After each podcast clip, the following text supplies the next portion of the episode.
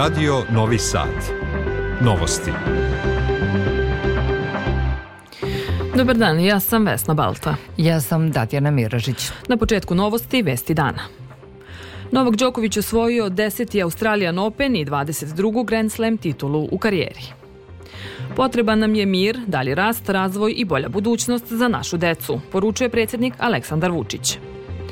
Predsednik Češke Miloš Zeman stiže u dvodnevnu posetu Srbiji žestoke borbe za Vuledar i Bahmut na istoku Ukrajine. Dualno obrazovanje sve traženije kod brojnih domaćih kompanija. Dodelom priznanja drvo života večera se u Drvengradu na Mokroj gori završava Kustendorf. U Vojvodini sutra suvo i promenljivo oblačno s temperaturom do 4 stepena. Prema poslednjim merenjima u Novom Sadu je 2 stepena. U finalu otvorenog prvenstva Australije Novak Đoković je u tri seta pobedio Grka Stefanosa Cicipasa. Tako je od sutra najbolji teniser sveta po deseti put podigao pehar namenjen šampion u Melbourneu. Đoković je osvojio svoju 22. Grand Slam titulu u kojem se izjednačio sa Špancem Rafaelom Nadalom. Uz to Novak je pretekao Nadala po ukupnom broju titula u karijeri. Ovo mu je bila 93. a stigao je i do 28. uzastopne pobede na Australian Openu. Predsednik Srbije Aleksandar Vučić čestitao je Novaku Đokoviću pobedu na Australijan Openu, najveći svih vremena. Hvala Novače za sve radosti u ime građana Srbije. Znam da su danas sa tobom i Srbi iz regiona i rasijanja ponosni na tebe i svoju srpsku otačbinu. Beskreno hvala za sve pobede, napisao je Vučić na društvenim mrežama. U nastavku novosti političke teme.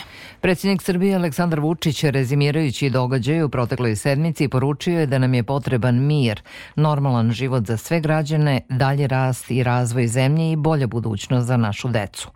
Plan je da suočeni sa izazovima radimo još više, da pokušamo da budemo najbolji, pokažemo da Srbija želi dijalog i kompromis, ali i da ima svoje principe i očekivanja. Napisao je Vučić u objavi na društvenim mrežama. Naveo je je i da će zato nastaviti da razgovara sa svima o mnogim pitanjima i bori se još jače za Srbiju. Biće nam potrebno mnogo energije i mnogo više jedinstva, ali sačuvat ćemo zemlju i narod i guraćemo napred, jer to je jedini put naveo je predsednik Vučić. A predsednik Aleksandar Vučić ugostiće predsednika Češke Miloša Zemana za vreme njegove dvodnevne zvanične posete Srbiji, saopštila je služba za informisanje predsednika. Za popodne je predviđen doček Zemana na aerodromu Nikola Tesla. Ceremonija svečnog dočeka zakazana je sutra u 11 časova ispred Palate Srbija, nakon čega će se Zeman sastati sa Vučićem. Planirano je i da dvojica predsednika zajedno otvore renovina, renovirani e, Češki dom, a biće potpisana i zajednička deklaracija deklaracija. Ovo je oproštajna poseta Zemana Srbiji na kraju petogodišnjeg mandata.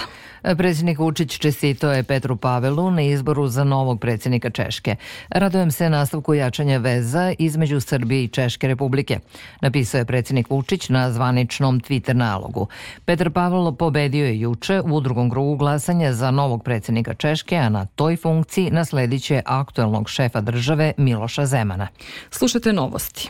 Uz pitanja iz prošlosti vrednosti koja opterećuju dve zemlje, Srbija i Hrvatska, moraju da unapređuju saradnju zarad mira i stabilnosti u regionu i dobrobiti građana. Konstatovali su u Subotici ministri spoljnih poslova Srbije i Hrvatske Ivica Dačić i Gordan Grlić-Radman. Ministar za ljudska i manjinska prava i društveni dijalog u vladi Srbije Tomislav Žigmanov izjavio je za RTS da je sazrela svest da je potrebno sarađivati kada je reč o institucionalnim odnosima dve zemlje i da postoji visoka spremnost da se to i ostvari jučerašnji susret u Subotici samo je potvrdio da je to jedan sada ozbiljan proces koji ima stalnost kada je u pitanju komunikacije. Ono što smo imali prilike čuti jeste da nas hrabri da povjerujemo da će se isti i nastaviti. Kosovo i Metohija su najveći izazov i za politiku i ekonomsku politiku Srbije, a razgovori koji su u toku najvažniji su faktor koji će odrediti našu ekonomsku politiku i opšte našu politiku ove godine, rekao je ministar financija Siniša Mali. On je za televiziju prva na pitanje o efektima eventualnog povlačenja investicija zemalja Evropske unije rekao da te zemlje u Srbiji zapošljavaju više od 200.000 ljudi i da bi povlačenje investitora sa zapada nekada bila katastrofa, jer bi to Srbiju vratilo 30 godina unazad. Predsednik Republike Srpske Milorad Dodik izjavio je da odluku o odbijanju ili prihvatanju francusko-nemačkog plana za Kosovo mora biti zajednička i vlasti i opozicije, ali i društva u celini, prenosi radio televizija Republike Srpske. Prema njegovim rečima, to je važno da Srbija i Srbi ponovo ne bi bili podeljeni. Podsjetimo, predsednik Skupštine Srbije Vladimir Orlić potvrdio je da je sednica o Kosovu i Metohiji najavljena za 2. februar februar. Svet. U nastavku o ratu u Ukrajini gde se vode žestoke borbe za Vuledar i Bahmut. Ukrajinske oružane snage izvestile su da je Rusija usmerila svoju artiljerijsku vatru na 40 naselja u blizini Bahmuta. Vojni izvori navode da se ukrajinske snage sada bore da zadrže grad nakon povlačenja ukrajinske vojske iz obližnjeg grada Soledara. Ukrajinski predsednik Volodimir Zelenski uveo je sankcije za 185 kompanija i pojedinaca za koje se se veruje da su povezani sa režimom u Moskvi. A predsednik Vojnog komiteta NATO-a Rob Bauer izjavio je da je alijansa spremna za direktan sukob sa Rusijom. On je rekao da će NATO odgovoriti samo ako Rusija izvrši invaziju na neku od zemalja članica alijanse. Izjave o spremnosti NATO-a za direktan sukob sa Rusijom uvlače svet u nuklearni kolaps, a takva retorika neće promeniti ciljeve specijalne operacije, izjavio je poslanik Državne dume Rusije Oleg Morozov, komentarišući izjavu Bauera da je NATO spreman na direktan sukob sa Rusijom. Nepoznati dronovi, najverovatnije kamikaze, napali su fabriku odbrambene industrije u Ishahanu. Iransko ministarstvo odbrane poručuje da je napad osuećen. Iranske novinske agencije ranije su izvestile o jakoj eksploziji i emitovale snimke na kojima se vidi bljesak svetlosti u fabrici, koja se navodno bavi proizvodnjom municije. Na snimku se vide i vozila hitne pomoći i vatrogasci. Do napada je došlo usled usled pojačanih tenzija sa Iranom zbog iranskog nuklearnog programa. Naime, Tel Aviv tvrdi da Iran nastoji da razvije nuklearno oružje, što Teheran poriče. U dve odvojene nesreće koje su se dogodile u Pakistanu poginulo je najmanje 50 ljudi, među kojima i 10 dece. U prvoj nesreći na jugu zemlje poginulo je 40 ljudi nakon što je autobus udario u stub i potom se zapalio. U drugoj nesreći stradalo je najmanje 10 dece, učenika verske škole, kada se njihov brod prevrnuo kod kod Brane Tanda na zapadu Pakistana. Još šestoro dece je povređeno i prebačeno u bolnicu. Novi sukobi demonstranata i policije u Peru. Jedna osoba je poginula, a više povređenih u najnovim sukobima pristalica bivšeg predsednika Pedra Kastilja i policije u jugoistočnom Peru. Na hiljade demonstranata slilo se u glavni grad Perua zahtevajući smenu predsednice Dine Boluarte. Protesti su počeli pre mesec dana i doveli do najgoreg političkog nasilja u Peru u više od dve decenije. Slušajte novosti, a drugi deo emisije posvećujemo domaćim temama. Ministar građevinarstva, saobraćaja i infrastrukture Goran Vesić rekao je da je komisija koja je istraživala železnički akcident kod Pirota završila posao i da će izveštaj biti predat tužilaštvu na kojem je da proceni da li postoji odgovornost. Vesić je kazao da ako postoji bilo čija odgovornost, taj neće biti zaštićen. Poručio je i da će se videti ko je kriv za višegodišnje čekanje da počne rekonstrukcija pruge od Niša do Pirota, za što je evropski novac obezbeđen pre četiri godine. U Srbiji se, kažu, godišnje desi 80 hemijskih akcidenata, ali samo u poslednjih mesec dana imali smo ih nekoliko. Reč je o događajima koji se dešavaju iznenada, a posledice su najčešće takve da prouzrokuju štetu po životnu sredinu, materijalnu štetu i najčešće, nažalost, ugrožavaju zdravlje, a neretko i život ljudi. O prevenciji proceni rizika od hemijskih udesa, merama otklanjanja posledica i zakonskoj regulativi više Dragana Ratković. Teretna kompozicija koja je prevozila cisterne s amonijakom iskliznula je pre mesec dana sa pruge kod Pirota. U Pančevu je došlo do curenja amonijaka iz autocisterne, a u Subotici su tri cisterne sa propilenom zapaljivom materijom iskliznule iz šina, dok je pre nekoliko dana u Zaječaru, kao i mesec dana ranije na pruzi Zaječar-Knjaževac, došlo do iskliznuća cisterne sa fosfornom kiselinom. U svim ovim slučajevima do udesa je došlo pri transportu opasnih materija.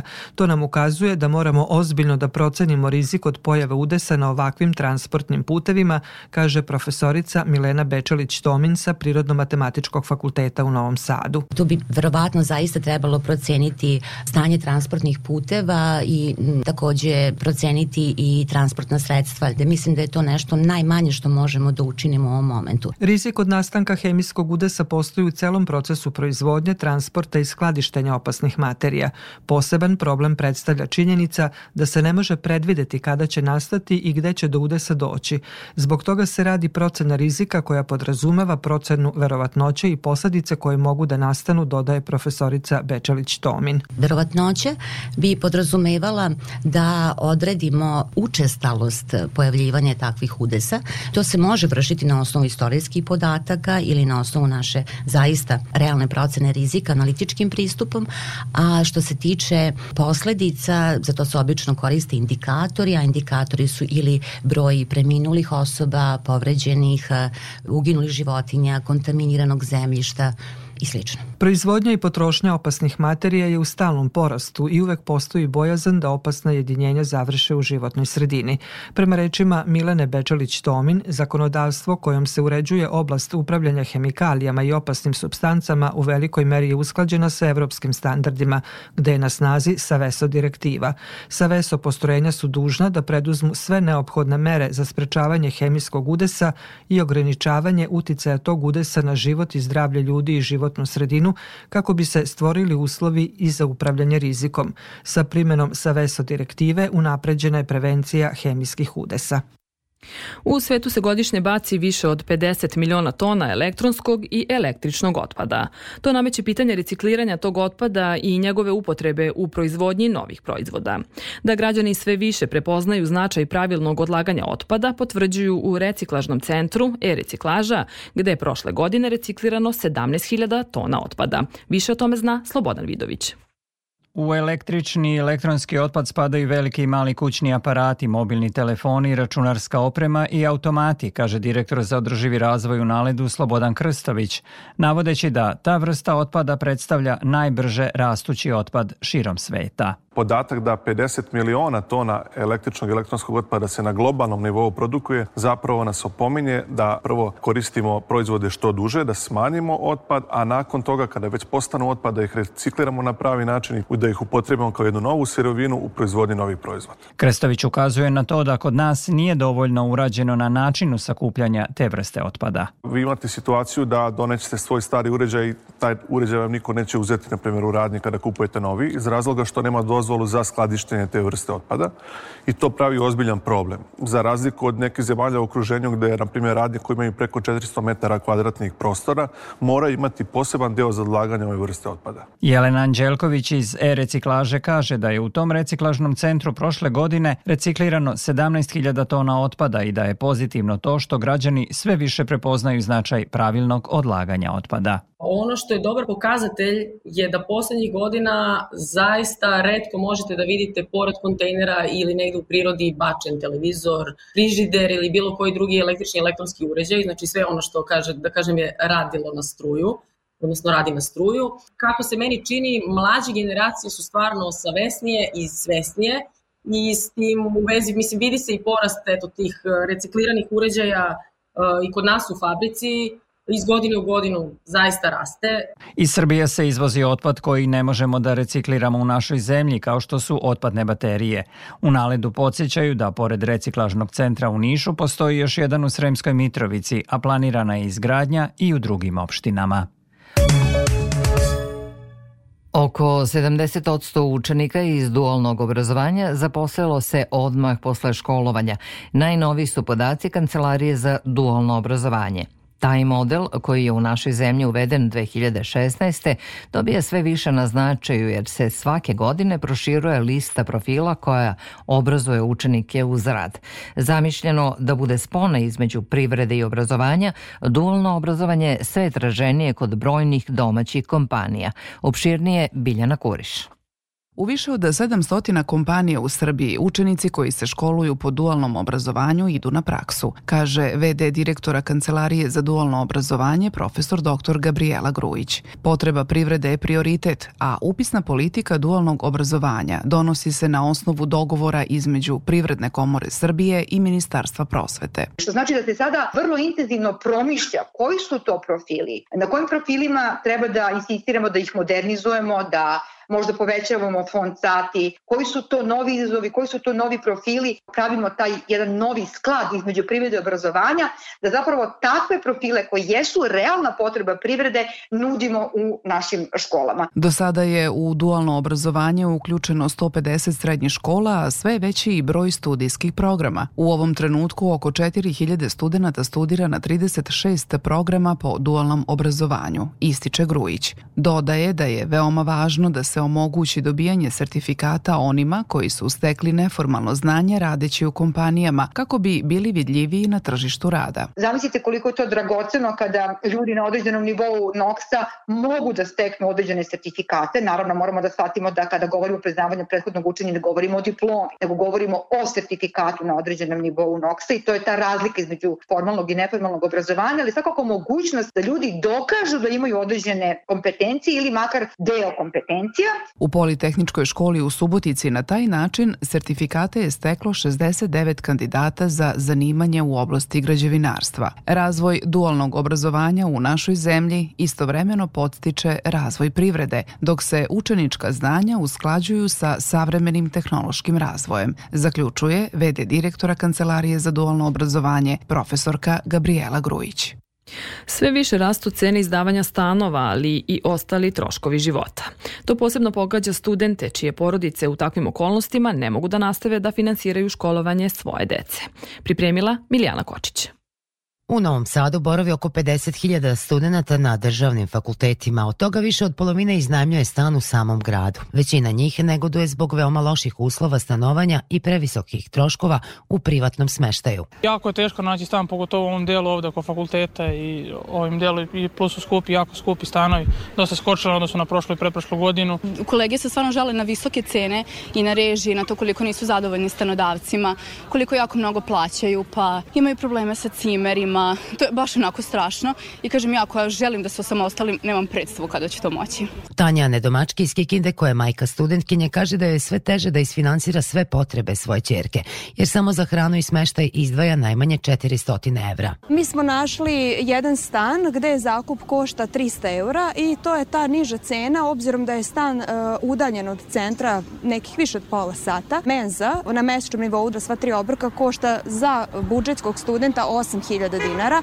dok je ona čak tri puta veća ukoliko je student na samofinansiranju. Tu takođe imamo i drugih troškova. Zabrinuti zbog poskupljenja studenti Novosadskog FTN uradili su uoči početka akademske godine istraživanje u kojem je učestvovalo 410 studenta iz Beograda i Novog Sada. Ono je pokazalo da su prema ocene ispitanika najčešći razlozi za povećanje troškova studiranja, naročito zakupa stanova, inflacija, dolazak državljana iz Rusije i Ukrajine, kao i kako su studenti istakli pohlepa i bezobrazluk vlasnika stanova, jer su čak četvrtini njih podigli stanarinu za najmanje 100 evra. Nikola Vešković, koordinator istraživačkog tima studenta sa modula Inženjerski marketing i multimediji, smatra da je takva situacija za mnoge porodice neodrživa, te da slanje dece na studije postaje nemoguća misija. Istraživanje je, kako upozorava naš sagovornik, izrodilo još jedan zabrinjavajući podatak nad kojim treba da se zamislimo.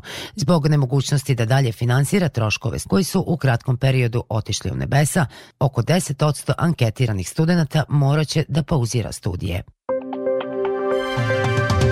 Kultura Dodelom, dodelom priznanje drvo života proslavljenom piscu i reditelju Dušanu Kovačeviću, večeras u Drvengradu na Mokroj gori završava se 16. filmski i muzički festival Kustendorf iz Drvengrada za mećavnika za novosti Goran Vukčević. Festival na kojem se 16. put susreću filmska mladost i filmsko iskustvo u samo je završnici. Večeras će tokom svečane ceremonije zatvaranja biti poznato ko će od 14 mladih autora iz 11 zemalja sa Nećavnika otići sa zlatnim, a ko sa srebrnim i bronzanim jajetom Kustendorfa. Biće uručena i nagrada Vilko Filač za najbolju kameru, a prethodno će u ruke pisca i reditelja akademika Dušana Kovačevića otići drvo života, tradicionalno priznanje Kustendorfa, kojim se veliki autori nagrađuju za buduće filmove. Tokom pet dana festivala publika u Drvengradu bila je u prilici da pored filmova mladih autora vidi i najnovije ostvarenja afirmisanih reditelja, koji su potom sa prisutnima podelili i svoja stvaralačka iskustva. Predstavljena je i nova knjiga Gorana Gocića pod naslovom Emir Kusturica, Kurt Margine, kao i projekti u nastajanju. Sport. Na početku novosti čuli smo da je Novak Đoković osvojio 10. Australian Open, a sada donosimo ostale sportske vesti. U finalu svetskog prvenstva za rukometaše koje se održava u Poljskoj i Švedskoj od 21 čas sastaju se branilac titule Danska i Francuska, a prethodno od 18 časova u borbi za treće mesto igraju Španija i Švedska. Košarkaši Mege pobedili su Cibonu u Zagrebu sa 106-72 u 17. kolu regionalne ABA lige. U 15 časova časova je počeo duel između FMP-a i Crvene zvezde, dok u 19 časova Partizan dočekuje Mornar.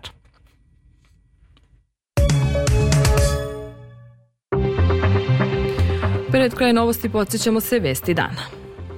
Novog Đoković osvojio 10. Australian Open i 22. Grand Slam titulu, 22. Grand Slam titulu u karijeri.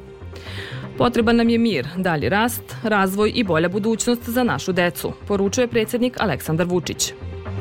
Predsednik Češke Miloš Zeman stiže u dvodnevnu posetu Srbiji. Žestoke borbe za Vuledar i Bahmut u Ukrajini. Dualno obrazovanje sve traženije kod brojnih domaćih kompanija. Dodelom priznanja Drvo života večera se u Drvengradu na Mokroj gori završava Kustendorf. Kada je u vremenu reč u većem delu Vojvodine je pretežno oblačno, najtoplije je u Novom Sadu i Sremskoj Mitrovici gde je 3 stepena, slede Zrenjanin i Kikinda sa 2, dok je 1 stepen u Somboru i na Paliću. Sledi prognoza za naredne dane. U Vojvodini u ponedljak suvo sa mrazem ujutru i promeljivom oblačnošću tokom dana. Mogući su kratkotrni sunčani intervali, a dnevna temperatura u manjem porastu u odnosu na vikend. Minimala jutarnja temperatura od minus 6 do minus 3, a maksimala od 3 do 4 stepena. U Srbiji na oblačenje sa severozapada donosi prolaznu kišu, susnežicu i sneg. U sredu manji porast temperature, a u četvrtak novo na oblačenje sa kišom, susnežicom i snegom. U petak i za naredni vikend hladnije sa snegom povremeno. Za Radio Novi Sad, Žika Pavlović, Meteos. Slušali ste novosti prvog programa radija Radio Televizije Vojvodine. Novosti tonski realizovao Boris Đuranin. Pred mikrofonom bili Vesna Balta i Tatjana Miražić. Ostanite uz naš program, želimo vam prijedno popodne.